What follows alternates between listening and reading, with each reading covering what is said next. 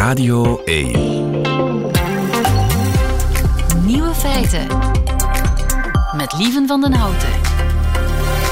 Dag en welkom bij de podcast van Nieuwe Feiten van 9 mei 2022. In het nieuws vandaag dat ruzie maken in de auto dat dat heel wat geld kan kosten. De Nederlandse politie moest gisteren uitdrukken voor een wandelaar op de snelweg. En ter plaatse aangekomen zagen ze een man liften, net buiten Almelo.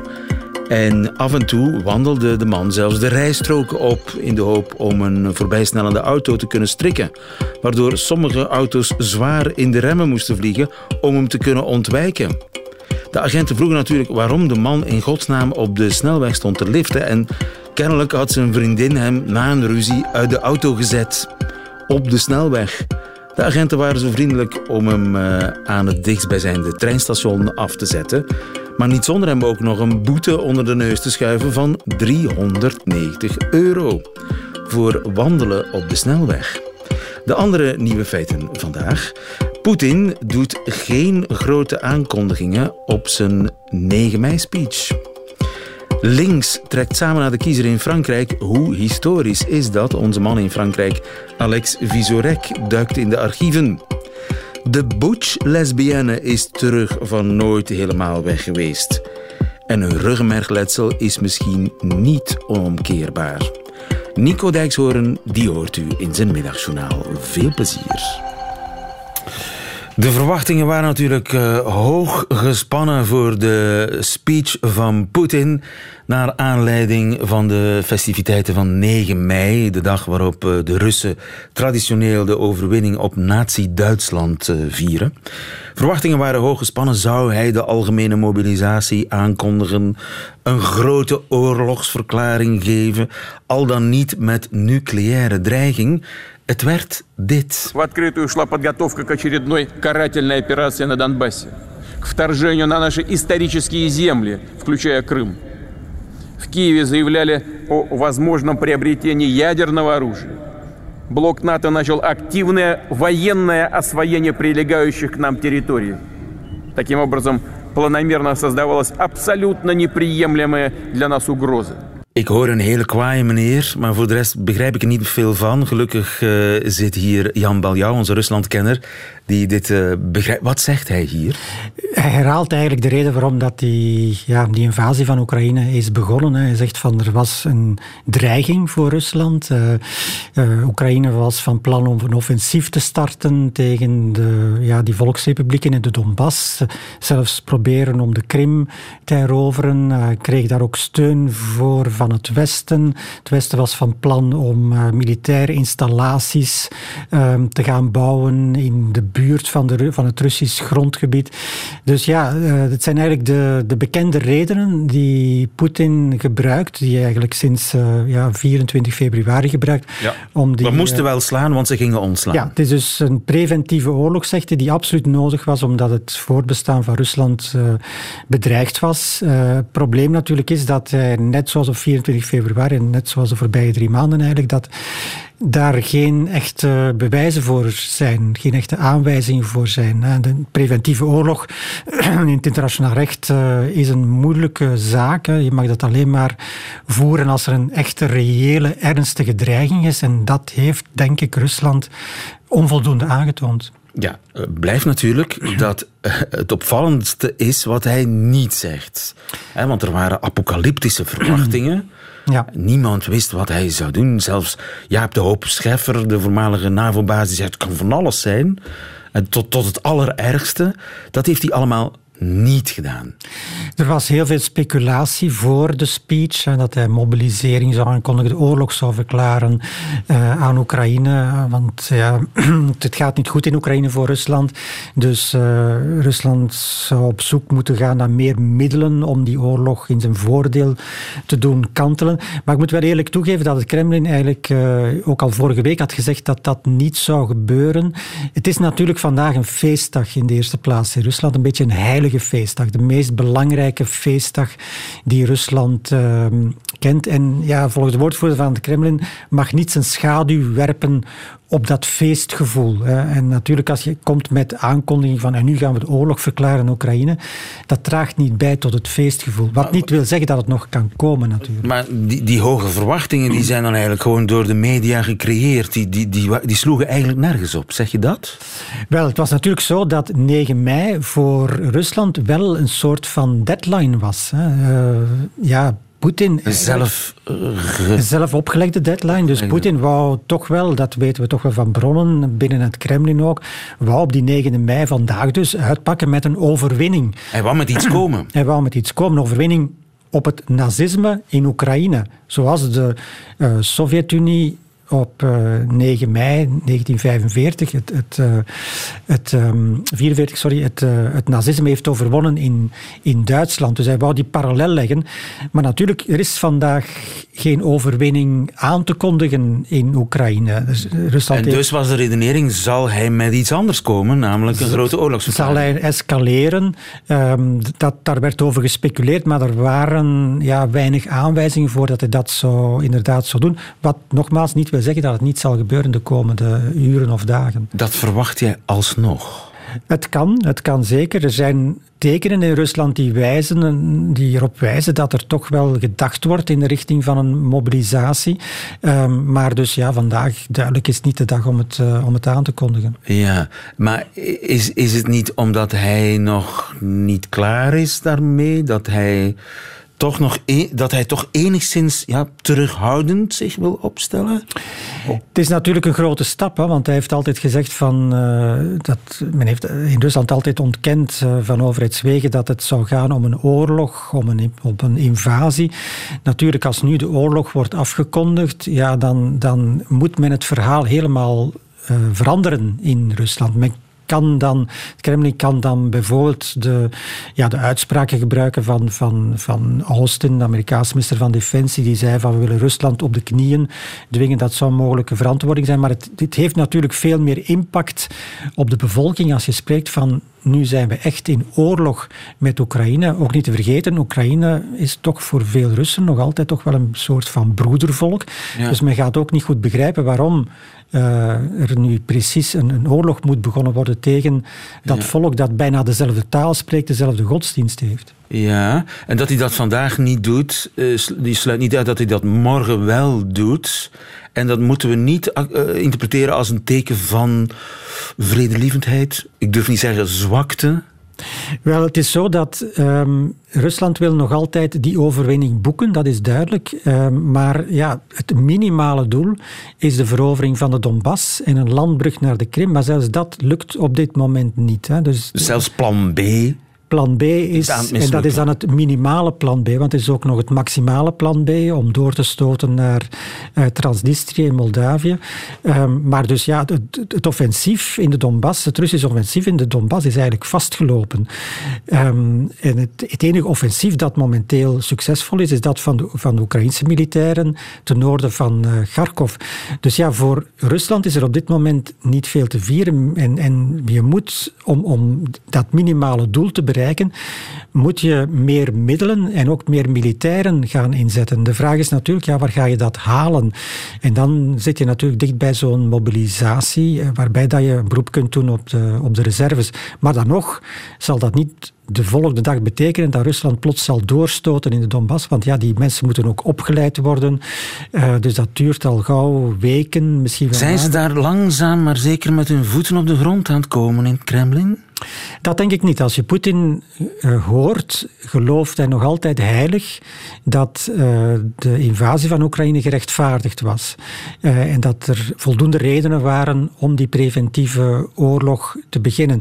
Dus ik denk niet dat de realiteit, ja, die er toch niet goed uitziet in Oekraïne, dat die eigenlijk al helemaal is doorgedrongen tot het Kremlin. Misschien weet men het, maar in ieder geval openlijk willen men het niet erkennen. Moeten we dit nu als een, als een soort ja, is, is dit een reden tot opluchting, die speech? Goh, ik denk dat het heel moeilijk is te voorspellen wat er de komende dagen zal gebeuren. Dus uh, zowel Oekraïne was een zeer, zeer, zeer zelfverzekerde Zelensky daarnet, uh, die wandelde over de Kreschatik, de hoofdstraat van Kiev, en die zei van ja, wij gaan net zoals in de Tweede Wereldoorlog, nu ook Rusland overwinnen, de nazisten eh, overwinnen in, Rusland. Dus die draait het helemaal om. Um, dus Oekraïne zit een beetje in de winning mood. Weet ook, er komen heel veel westerse wapens binnenkort, uh, die ook ingezet kunnen worden aan het front. Rusland zelf wil, wil het ook nog niet opgeven. Dus ik denk niet dat we, dat we al te positief moeten zijn over wat er vandaag is gebeurd.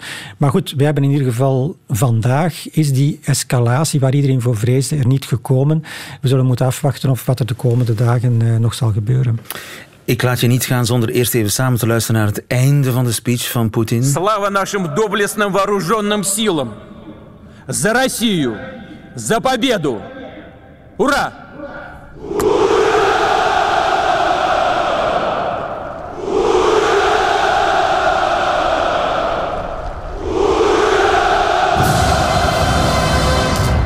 Het is een beetje, sorry dat ik het zeg, één volk, één rijk, één vuur.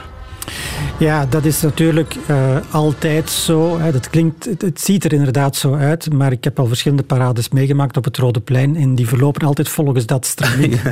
uh, het is natuurlijk zeer indrukwekkend als je daar ja, zit met meer dan 10.000 militairen die allemaal samen hoera roepen voor dan iets wat uh, Poetin zegt. inderdaad zeer indrukwekkend, maar ja, het zegt niet het hele verhaal over Rusland. Dat is nu ook wel duidelijk geworden door de situatie in Oekraïne. Ja, geen hoopgevende signalen. We zitten kniehoog in de modder. Helaas, zo blijft het. Ja. Dankjewel, Jan Baljouw. Nieuwe feiten. Coucou de France. Met Alex Visorek. Ah, il y a le printemps qui chante, maar of Alex Visorek gaat zingen vanmiddag, dat uh, valt nog af te wachten. Alex Visorek, uh, onze landgenoot en mijn collega bij de Franse radio. Goedemiddag, Alex. Ja, viens à la maison. Viens en France, lieven. En maak je gordel vast. Uh, het is een heel drukke week geweest. Alle partijen maken zich klaar voor de grote strijd van de parlementairsverkiezingen in juni. Mm -hmm. De inzet, heb ik al verleden week verteld, is groot. Emmanuel Macron hoopt daar een meerderheid in het parlement te kunnen krijgen. Maar als het niet lukt, wordt het wat chaotisch en zal hij een compromis met een, zijn tegenstander moeten sluiten.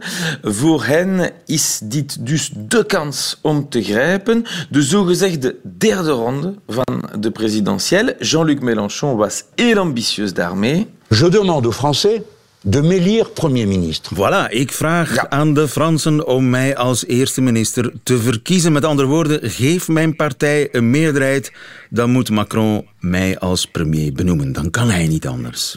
Ja, maar zijn partij, La France Insoumise, is ook in concurrentie met alle andere linkse partijen. En die partijen hebben maandenlang hun best gedaan om te bewijzen dat er nooit een unie tussen hen zou kunnen komen. Maar dan, vorige maandag. Hier soir, peu après minuit, écologistes et insoumis sont parvenus à un accord en vue des législatives. Ja, de Groenen en de mensen van Insoumis, de partij van Mélenchon, hebben een akkoord gesloten. Ja, en vorige dinsdag.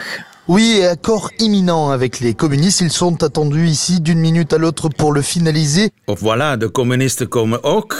Maar enfin, en op verleden woensdag. Cette euh, arrivée du PS dans cette union de la gauche qui... Alors c'est fait ou c'est pas fait d'ailleurs, tiens? C'est en cours, on y est euh, très proche, on a un accord de principe. De Parti voilà. Socialist wil ook meespelen En ze spelen nu mee. Het is gebeurd, lieven. In drie dagen hebben alle linkse partijen beslist om samen in zee te gaan naar de parlementsverkiezingen. Op het stembiljet zal je dus geen spoor vinden van La France Insoumise, le PS, le Parti Communiste of Europe Ecologie Les Verts, de Groenen. Daarop zal alleen NUP, Nouvelle Ja. ja, het klinkt een beetje vreemd. Nouvelle Union Populaire ecologique et social. NUPES Voilà. geschreven. Ja, NUPES, als je, als je alles zegt. Uh, het is uh, heel lang, maar het is ook heel duidelijk dat elke partij uh, vermeld wilde worden in de naam.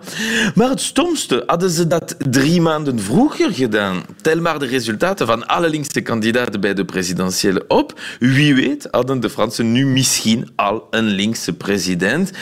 En een, een onverwachte wedding dus, waarover ze heel enthousiast zijn, vooral Jean-Luc Mélenchon. Depuis le début de l'histoire, depuis toujours, c'est la première fois qu'il y a un accord général de toutes les forces dès le premier tour sur des candidatures uniques dans toutes les circonscriptions. Nous l'avons fait! We hebben het gedaan. Het is ja. historisch sinds het begin der tijden is het de eerste keer dat er een algemeen akkoord van alle linkse partijen is, zegt deze ja, Mélenchon. De eerste ronde, zegt hij. Uh, ja, de eerste keer uh, in een eerste ronde met uh, gezamenlijke kandidaten in alle kieskringen, maar in andere omstandigheden zijn linkse partijen al verenigd geweest. Bijvoorbeeld in de jaren 30, toen was het Le Front Populaire. En ze invoerden iets heel belangrijks, les congés payés, betaald verlof. Of nog in de jaren 70 met een samenwerking tussen de communist Georges Marchais en de socialist François Mitterrand, die een programma commun hebben opgesteld, maar dit werd vooral historisch waar voor de manier waarop het eindigde met deze opmerkelijke quote van Georges Marchais. J'ai dit à ma femme, François Mitterrand a décidé d'abandonner le programme commun de la gauche. Fais les valises, on rentre à Paris. Faites les valises. Maak je koffers, we gaan terug naar Parijs, want Mitterrand heeft ons gemeenschappelijk programma opgeblazen. Ja, en de oneenigheid was zelf te zien in de persconferentie om het einde van de Unie aan te kondigen. À la sortie de la réunion, ils ne s'accordent même pas sur qui prend la parole en premier. Moi, j'ai des déclarations à faire. Je un communiqué, j'ai un communiqué à vous donner. C'est quand même des drôles de méthodes. C'est quand même lourd à dire ce que je dois dire en premier. Waren ze nu tegelijkertijd? ze waren ja. tegelijkertijd aan het spreken. Marcel Mitterrand. Ja, iedereen wou beginnen. uh, en ook in de, in de jaren 90 werden linkse partijen verenigd onder Lionel Jospin. Dus uh, is het vandaag historisch. Het hangt er vooral vanaf aan wie je het vraagt. Uh, aan de partijgenoten van Mélenchon, zeker. maar voor de drie andere linkse partijen van de Unie is het niet per se historisch, maar het is buitengewoon. En dat is het zeker buitengewoon. En linkse partijen zijn ook niet eens met wie de leader van de Nouvelle Union Populaire Écologique et Sociale is. Vraag aan de communisten wie de leader is van de linkse Unie. Aujourd'hui, le leader de cette union. C'est les Français. Oké, okay. les Français, de Fransen, uiteraard, ja. zijn de baas van deze linkse Unie. Ja, het was begrijpbaar.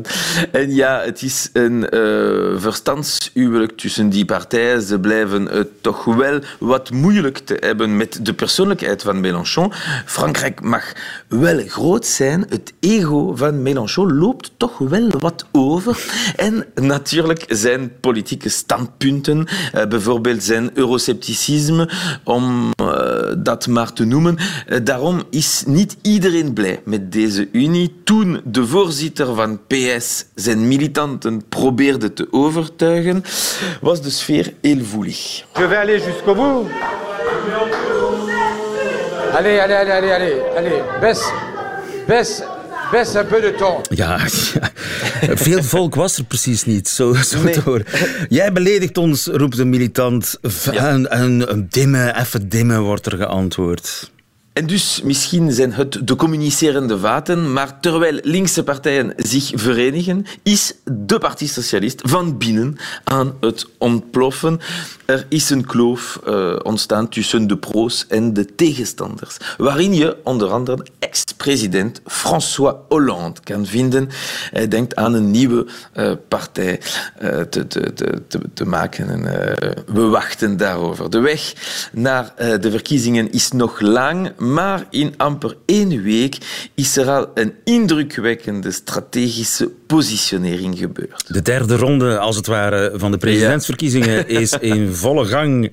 Gouden tijden voor onze man in Parijs, Alex Vizorek. Tot volgende week. Tot volgende week.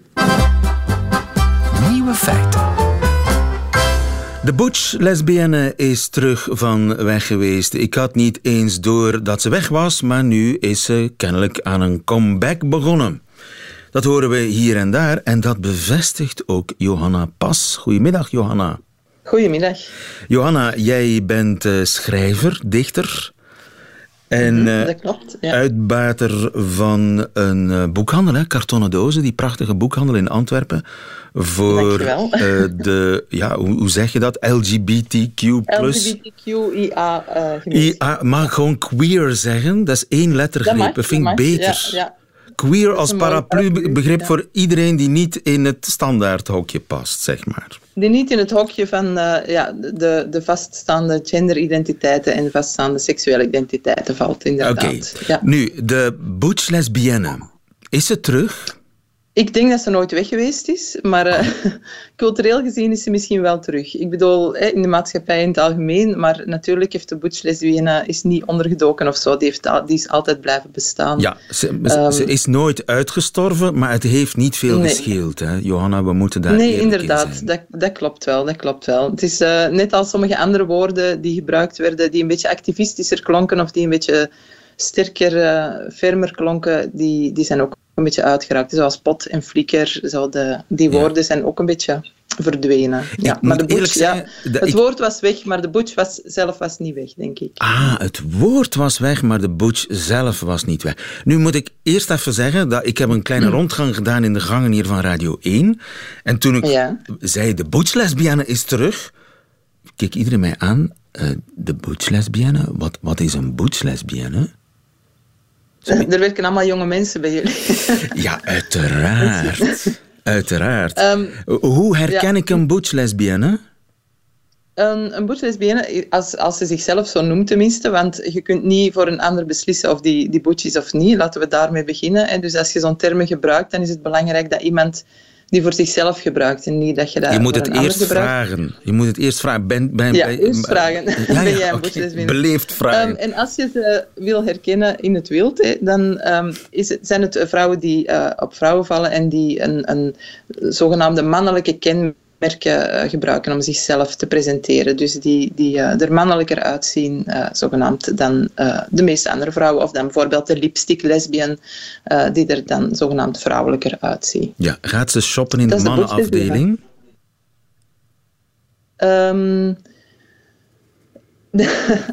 dat verschilt heel hard, want er zijn uh, butch uh, lesbiennes die heel erg uh, op stijl zijn en die, die gaan wel in de mannenafdeling winkelen, maar die, die kiezen wel echt hun winkel uit. Terwijl ik meer een, een zeeman butch lesbienne ben, denk ik. Jij bent een zeeman butch lesbienne.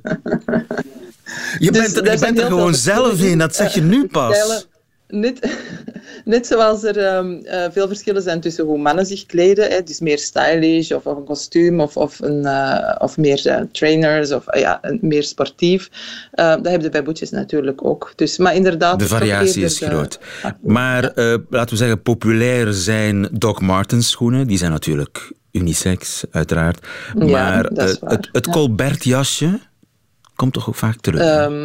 Ook, ja. ja. Ik, wel, wel, ik denk, denk, denk dat dat een beetje uit is. Maar ja, ja. en en zou kunnen. Eerder de oudere generatie, ja. ja. kort haar, kort jongenskapsel. Dat kan, maar dat hoeft niet per se. Ja, ja dat hoeft niet per se. Maar dat, ja, dat, meestal wel. Ja. Ja. Eh, tegenwoordig met een, een, een roze, roze, toch een roze ja, mesh erin, eentje zo. Nee? Dat kan ook wel, hè? Dat kan ook nog wel, ja. Ja. Maar je noemt allemaal uiterlijke kenmerken op. Hè? Maar een butch heeft natuurlijk ook een bepaalde uitstraling of een bepaalde pose, een manier van, van, van zich gedragen, een, een soort eh, sterkheid en, en, en kracht die ze uitstraalt. En dat, is, eh, ja, dat, dat, overstijgt kleding natuurlijk. Het heeft ook te maken met manieren van stappen en zo. En van Ja, hoe je de, de wereld toespreekt. Unapologetic, zoals ze in het Engels Unapologetic. ze is niet verontschuldigd voor haar bestaan, ja. Eh, En zich niet verontschuldigen voor haar beenhaar, bijvoorbeeld ook. Ook niet. Ook niet. Voilà. Tenminste, dat hoop ik. Ik denk, ik denk dat er nu wel boetjes zijn die ook hun benen scheren, maar, maar ik... eh, Dat is toch ja, tegen het randje aan van het butch zijn, hè? Nee? Ja, ja, maar kijk, er zijn ook wielrenners die hun benen scheren. Dus er Dat is zijn... Een butch op de fiets mag haar benen zijn legio. Maar, maar ik, ik, eh, ik, ik zou zeggen van niet. Ja. Nu, ze is een tijdje op haar retour geweest. Hoe kwam dat? Ik denk, het is, het is heel ingewikkeld, maar het is altijd met zo'n woorden. Ehm, ik denk dat, dat er zowel vanuit de community een soort van angst was van de butch lesbienne is natuurlijk gezien dat ze lesbisch is en er is de laatste twintig jaar toch echt wel een trend geweest om een beetje eh, onder homo's en lesbiennes om een beetje op te gaan in, in de massa, om zich, zich onzichtbaar te maken voor, voor, ehm, ja, en, en op te gaan in de, in de hetero-wereld. Dus acceptatie door eh, de openstelling van het huwelijk, eh, de mogelijkheid tot adoptie. Er is veel meer mainstream ehm, eh, homoseksualiteit, zou ik maar zeggen. Dus de, de, L, de, L, de, de lesbiennes en de homo's zijn meer mainstream gegaan. En er was een beetje een trend om te zeggen van ja, we moeten het moet allemaal niet zo uitgesproken, we moeten niet zo, niet zo zichtbaar zijn. En natuurlijk, de butch die, die verstopt zich niet. Hè. Het is heel, een heel zichtbare... ja, ze is in your eh, face, de lesbienne. butch. Ja, ja, in your face, ja. Dus ehm, er was zowel van, vanuit de samenleving als denk ik binnen de community zelf een soort van eh, backlash, allee, reactie op mensen die te uitgesproken eh, queer waren, ook, ook eh, ten opzichte van mannen die, die te vrouw, zich te vrouwelijk gedroegen bijvoorbeeld. En, En heeft, zij, voor ja. heeft zij als het ware concurrentie ondervonden van de, van de non-binaire? Van de mensen Nou, ik denk eigenlijk de reden waarom de butch terug is, is denk ik omdat non-binaire personen zich zijn beginnen benoemen. Ik denk, al die dingen bestonden al. Er, zijn, er is alleen een grotere diversiteit aan woorden voor gekomen. En non-binair zijn is een van de, de mogelijkheden. En butchness is natuurlijk ook een uitdrukking van een, een vorm van genderdiversiteit. Een, een Ja. soort van op het spectrum zitten tussen man en vrouw. Alleen denk ik dat het grote verschil is dat ehm, voor non-binaire personen die zich echt eh, tussen de genders voelen of die dat, dat overstijgen, dat de butch toch wel een vrouw, zich een vrouw voelt. Het is niet dat, die, dat dat geen vrouw is. Die vindt gewoon dat het spectrum van wat een vrouw kan zijn, eh direct dat een beetje op. Die, die, die zal dat meer uitgesproken doen. Dus ik denk dat de butch misschien juist terug is, omdat non-binaire personen zich uitgesprokener zijn gaan benoemen en er terug meer ruimte is voor genderdiversiteit. Dus zij is, zij is niet in, in concurrentie zeg maar, met, met de- non, haar non-binaire ja, zus, broer, die zegt ik ben nog man, nog Nee. vrouw. En is het niet zo dat Nee, mensen, men- meer- vrouwen die zich Ja. vroeger butch-lesbiennes zouden genoemd hebben, dat die tegenwoordig eerder geneigd zijn om zich non-binair te noemen? Het zou kunnen, omdat het, het leunt natuurlijk dicht tegen elkaar aan. Dus het zou kunnen. Maar er zijn gewoon alleen maar meer woorden gekomen voor dingen die daarvoor al bestonden. En ik denk dat we vroeger misschien meer dingen in één... eh, dat dat meer één pot nat was. Dat ze meer dingen op een hoop gooiden eh, omdat er minder woorden waren. Maar dat er nu gewoon een diversifiering is. En dat eh, sommige mensen zich meer het ene, meer het ander Ja. voelen. Maar het zijn natuurlijk maar woorden. De, Ja. de, de werkelijkheid is altijd complexer dan wij met woorden kunnen uitleggen. Juist. En daarom verandert dat altijd. Dat verandert doorheen de tijd. Dat verandert ook qua plaats. Hè. In de VS heeft dat een andere betekenis dan hier. Eh, tussen België en Nederland zijn zelfs al verschillen in terminologie. Ja, Dus ja, ik denk dat dat... eh, zijn er niet, Ja, dat- zijn er niet stilaan eh, hokjes te veel? Ik, denk, ik denk dat niet. Ik denk dat zo'n explosie van, van woorden voor, voor wie we zijn een beetje duidelijk maakt van het, de, werkelijkheid is heel eh, complex en, en we zoeken allemaal maar woorden. Ehm, maar dat, geeft, dat maakt wel, denk ik, allee, er zal op een bepaald moment terug een vereenvoudiging ontstaan, denk ik. dat, zal, dat zal het misschien makkelijker maken voor de buitenwereld. Maar voor binnen de LGBTQIA-community is het wel handig dat er zoveel termen zijn om te begrijpen wie we zijn. En zeker voor jongeren is het ontzettend belangrijk om woorden te hebben voor wat ze voelen, voor wie ze zijn, voor wie ze zouden kunnen worden. Uh, en hoe meer termen er zijn, hoe, hoe, meer ze misschien zichzelf vinden. Ja. Dat, dat denk ik dat het belangrijkste is. Ik snap dat dat voor de buitenwereld ingewikkeld is. Dus daar zou een vereenvoudiging misschien fijn voor zijn. Maar voor mensen zelf is het handig, denk ik, dat er meer termen zijn. En dus de bedoelen. term butch lesbienne is zeker niet iets uit de jaren 90. Het is iets van de jaren eh, 20. Ze is terug. Ze is in het fotomuseum, is er een, is een eh, filmpje, is er een eh, tentoonstelling rond masculinities geweest. En daar, daarin mocht de butch lesbienne zich ook eh, tonen. Dus daar is een filmpje gemaakt door Vice over de butch. Dus ik denk wel dat ze, dat ze terug is, of dat ze terug eh, mag gehoord worden. En mag gezien zijn. En daar zijn we blij om. Johanna En Pas, gezien worden. Johanna Pas Ja. van eh, boekhandel Kartonnen Dozen in Antwerpen. Dankjewel. Goedemiddag. Dankjewel. Goeiedag.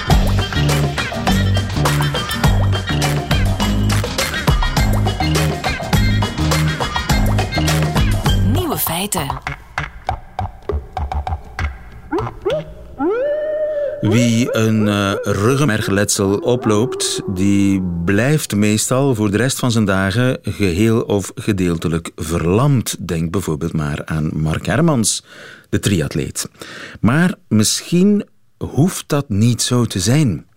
Hanna Bertels, goedemiddag. Goedemiddag, hallo. Hanna, jij bent doctoraatstudent eh, aan de Universiteit van Leuven. En je hebt meegewerkt aan een onderzoek waaruit moet blijken dat een ruggenmergletsel misschien niet onomkeerbaar is. Ja, ja inderdaad, klopt. Eh, Hoe hebben jullie dat aangepakt? Dus in het algemeen is het wel al bekend hè, dat een, een, een jong zenuwstelsel, en dat bedoel ik met hersenen of ruggenmerg, dat dat meer weerbaar is. Dus als je een ruggenmergletsel op jonge leeftijd ehm, zou oplopen, hoeft dit niet altijd tot verlamming Is dat zo? te leiden. En eh, tot wanneer eh, is dat zo? Je zegt jong, wat is jong in deze? Dus wij werken met proefdieren, dus dat, dat, dat hangt ook af van, van, van species tot species. Hè. Dus, dus bij de mensen weten we dat niet echt, eh, omdat wij in het labo ook met proefdieren werken. Ja. Maar het is dus wel zo dat bij jonge kinderen een ruggenmergletsel niet tot onomkeerbare verlamming hoeft te leiden. Ja, exact. Dat- En dat is dan ook mijn, mijn onderzoeksvraag. Hè. Eh, Hoe waarom komt kan een ruggenmerg inderdaad in twee situaties eigenlijk hetzelfde letsel, maar een volledig ander herstelproces leiden? Ehm, En een ruggenmergletsel, is dat altijd dat de, dat de zenuwbanen gewoon gebroken zijn? Ehm, daar, er zijn verschillende. eh, er zijn verschillende letsels. Je hebt bijvoorbeeld een volledige dwarslesie. Je hebt ook gewoon een kneuzing. En dus het is heel complex. Ja. Ook, eh, Maar komt het voor ook bij jonge mensen dat een volledige dwarslesie, dus een volledige breuk, dat die zich toch herstelt? eh, ja, inderdaad. Ah, inderdaad. Bij, bij, bij proefdieren. Hè. Ik moet, eh, Ja, ja, jij, jij, jij werkt alleen met proefdieren. Ja. Je hebt geen proeven gedaan op eh, jonge kinderen. Dat is de, Nee, nee, Dus ik ga jou over, over mensen niet al te veel vragen meer stellen. Dus, maar ook bij, bij, bij jonge muizen is het zo dat een volledige dwarslesie zich herstelt. Ja, dus een, wij zoeken eigenlijk uit wat er gebeurt ehm, onder de lesie. Hè? Want het is vaak nog altijd gedacht dat een ruggenmerg enkel de verlengkabel is van de hersenen dan de rest van het lichaam, hè, om signalen door te sturen, Mhm. zodat je je spieren kan activeren. Maar als er dus een, een, een volledige dwarslesie is, is er wel nog een stuk van het ruggenmerg dat, dat intact is. Dat en dat die functie kan overnemen. En dat inderdaad die functie kan overnemen. En dit gebeurt enkel dus bij jonge muizen. Dus daarom zoeken wij uit welke processen veranderen er daar, dat bijvoorbeeld niet op volwassen leeftijd zou zijn, of ook omgekeerd. En, waar ben je achter gekomen? Dus we hebben ehm, eigenlijk ontdekt dat een letsel op volwassen leeftijd ervoor zorgt dat bepaalde zenuwcellen in uw rugmerg hun normale communicatiemodus eigenlijk uitschakelen. Dus er zijn geen signalen meer, of de signalen kunnen niet meer doorgegeven worden naar de spieren om te kunnen activeren. Ja. En ook belangrijk is sorry, deze communicatieuitschakeling dat dan het niet gebeurt op jonge leeftijd. Oké.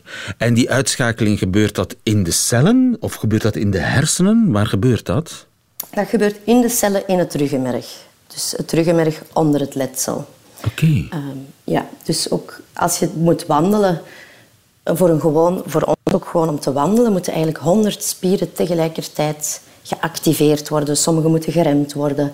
Ehm, en dat gebeurt allemaal in het ruggenmerg ook. En, nu- En dus dat ruggenmerg, ook bij volwassen dieren, zou dat commando kunnen blijven doen, maar doet het niet. Inderdaad, ja. ja. En zijn jullie, hebben jullie de knop gevonden om dat weer aan te zetten? Ja, dus dan zijn we inderdaad ook een stap verder gegaan. Ehm, en dan hebben we die communicatie, omschakeling eigenlijk proberen verhinderen na een volwassen letsel. En dan zagen we ook dat dat het herstelproces wel eh, verbeterde. Oké. En dat is niet zo dat die, die, die, eh, de zenuwbanen zich herstellen, maar dat het ruggenmerg die commando's kan overnemen en dus alsnog benen en pootjes kan doen Ja. bewegen. Exact, exact. Dus er zijn helemaal geen impulsen of signalen van de hersenen. Hè. De lesie blijft. Eh, dat is ook zo. Wij doen meer onderzoek naar het resterende ruggenmerg en wat kunnen we daar aan doen? Hoe kunnen we dat extra stimuleren of, of, of die communicatie, zodat de signalen beter naar de spieren kunnen overgebracht Oké, worden? maar je zegt die, die, die signalen staan toch onder commando van de hersenen, of niet? Niet per se, dus dat is ook Dat is ook bizar. dat is dus, ook een gedachte. dus die muis dat- loopt, maar die hersenen zeggen, geven niet het, daartoe het commando. Nee, dus hè, er zijn heel veel signalen tijdens het lopen die ook binnenkomen. Hè. Dus, dus, dus de grond verandert bijvoorbeeld. Dus je hebt tactische informatie. Je hebt veel verschillende informatie. Ook je drukreceptor. Dus je weet echt dat je je voet aan het drukken is op de grond. En dat zijn ook signalen die dus kunnen stimuleren om te wandelen. Oké. En, en stapt die muis dan helemaal zoals daarvoor, of is dat toch een beetje wankel? Ja, niet volledig. Hè. Dus dat, er is een verbetering. Maar we zeggen niet dat, dat, dat die muis inderdaad volledig terug eh, als een gewone muis zou kunnen wandelen. Een verbeter- en zit daar ook groei in? Ik bedoel, in de, in de loop, de, eh, wordt ze daar beter in? Ja, absoluut. Hè. Dus we zien ook dagelijks trainingen. Eh, dat is ook een, een, een, een gekende rehabilitatiestrategie nu al voor mensen met een, met een ruggenmergletsel. Om dagelijks echt die, die wandelbewegingen te doen. Dus het trainen van je spieren nog steeds. En dat in combinatie dan met het verhinderen van die communicatieomschakeling, zagen we dat dat toch wel een heel groot, eh, een heel grote verbetering was Ja. in herstel. Nu, dat zijn zeer hoopvolle onderzoeksresultaten. Ehm, hoe, hoe, hoe groot is de kans dat dat bij de mens ooit zou kunnen lukken? Ja, wij zijn natuurlijk ook heel hoopvol, maar we moeten nog altijd afwachten hè, of deze resultaten zich ook vertalen naar de mensen. Ehm, maar dat toont wel een nieuwe revalidatieweg of nieuwe revalidatiestrategie. Ehm, want wij doen ook meer het basisonderzoek. Wij, wij kijken echt wat verandert er dan. Eh, dat toont, en dat zou dan eventueel nieuwe wegen kunnen openen ehm, voor anderen. Ja, maar heb jij weet van onderzoeken die bij de mens zouden kunnen worden opgestart om, om eh, iets gelijkaardigs te doen bij mensen die een, een dwarslesie hebben opgelopen, om dat te gaan ja, voorlopig op experimentele basis gaan uitproberen? Ehm, ik denk dat die stap nog wel een te grote stap is om nu al te nemen. Ehm, ja, ik moet ook, we hebben nog maar heel recent onze, onze resultaten gepubliceerd, hè, vrijdag. Maar eh, we zijn nog wel ver weg om nu al direct ook, ook, ook bij mensen ehm, zo'n strategie eh, in te plannen. Maar we oh, leven op hoop, als het ware. Hanna Bertels, mag ik je Inderdaad. feliciteren met je onderzoeksresultaten. Dank je wel. Dank Nog een fijne dag. Hetzelfde. Dag. En dat waren ze, de nieuwe feiten van vandaag, 9 mei 2022. Alleen nog die van Nico Dijkshoren nu in zijn middagjournaal. Nieuwe feiten. Middagjournaal. Beste luisteraar, ik ga vanmiddag lunchen. Het is een zakenlunch. En we gaan, zoals dat in het jargon heet, even lekker wat klootzakken met ideetjes. We gaan wat balletjes opgooien. We gaan wat ideetjes tegen elkaar aanhouden. We gaan de boel creatief een beetje aftasten, een uurtje rommelen, lekker ideetjes pitchen. En ondertussen, terwijl we lekker aan de gang zijn met onze ideetjes, heel ingewikkeld eten in ons mond stoppen. Luisteraars, u moet mij maar gewoon geloven. Terwijl u vandaag gewoon normaal mensenwerk doet, zitten er in heel België en Nederland filmmakers, uitgevers, televisiemensen, theatermakers, auteurs en illustratoren zakelijk met elkaar te lunchen. Vreten, vreten en dan dingen zeggen als: Ik denk dat Wouter Nooyer, die nu een roman over de Eerste Wereldoorlog schrijft, toch eigenlijk veel meer een kinderboekenschrijver is. Of ze zeggen, met hun kin vlak boven een plak geroosterde courgette: En als we die film van jou nou gewoon bij jou thuis opnemen in de slaapkamer, dan komen we er misschien wel uit met het budget. Luisteraars, ik zal nooit echt wennen aan lunchen. Tot mijn 32ste wist ik niet eens dat het bestond. Ik was getrouwd, ik had een karig loon en twee kinderen. En dan komt het niet in je op om smiddags voor 120 euro met z'n vieren in een luxe broodjeszaak te gaan eten. Pas toen ik Tanja leerde kennen, kwam het lunchen in mijn leven. Verliefd lunchen, daar had ik dan wel weer iets mee. Je ziet je nieuwe grote liefde een enorme bal ragout door haar mond malen. En als je daar nog steeds van haar houdt, dan zit het wel goed. Pas toen ik ging schrijven voor de televisie kwam het zakelijk lunchen in mijn leven. En ik haat het. Urenlang boven salades hangen, moeten luisteren naar een regisseur die met jou een 34-delige dramaserie over een gezonken garnalenboot wil maken. En dan tijdens de koffie al weten: ik ga nog liever dood dan dat ik met deze man ga werken. Ikzelf ben iemand die graag lopend eet. Het is nog niet zo erg als bij Gerard Reven, die het liefst grommend een gebakken vis van een vette krant had. Maar gelooft u mij, luisteraars, niets is erger dan zakelijk lunchen. Charlatans zijn het. Almaal gaan ze die grote film maken waar iedereen op zit te wachten. En almaal hebben ze een televisieprogramma verzonnen waar u nog jaren naar gaat kijken. Maar voordat het zover is, moet er worden gevreten en gezopen. Luisteraars, hebt u nog nooit geluncht? Houd dat dan zo. Prijs u gelukkig, knabbelt u over enkele minuten, zielsgelukkig, nog steeds gekleed in uw pyjama, aan een laf wit broodje. U mist helemaal niets.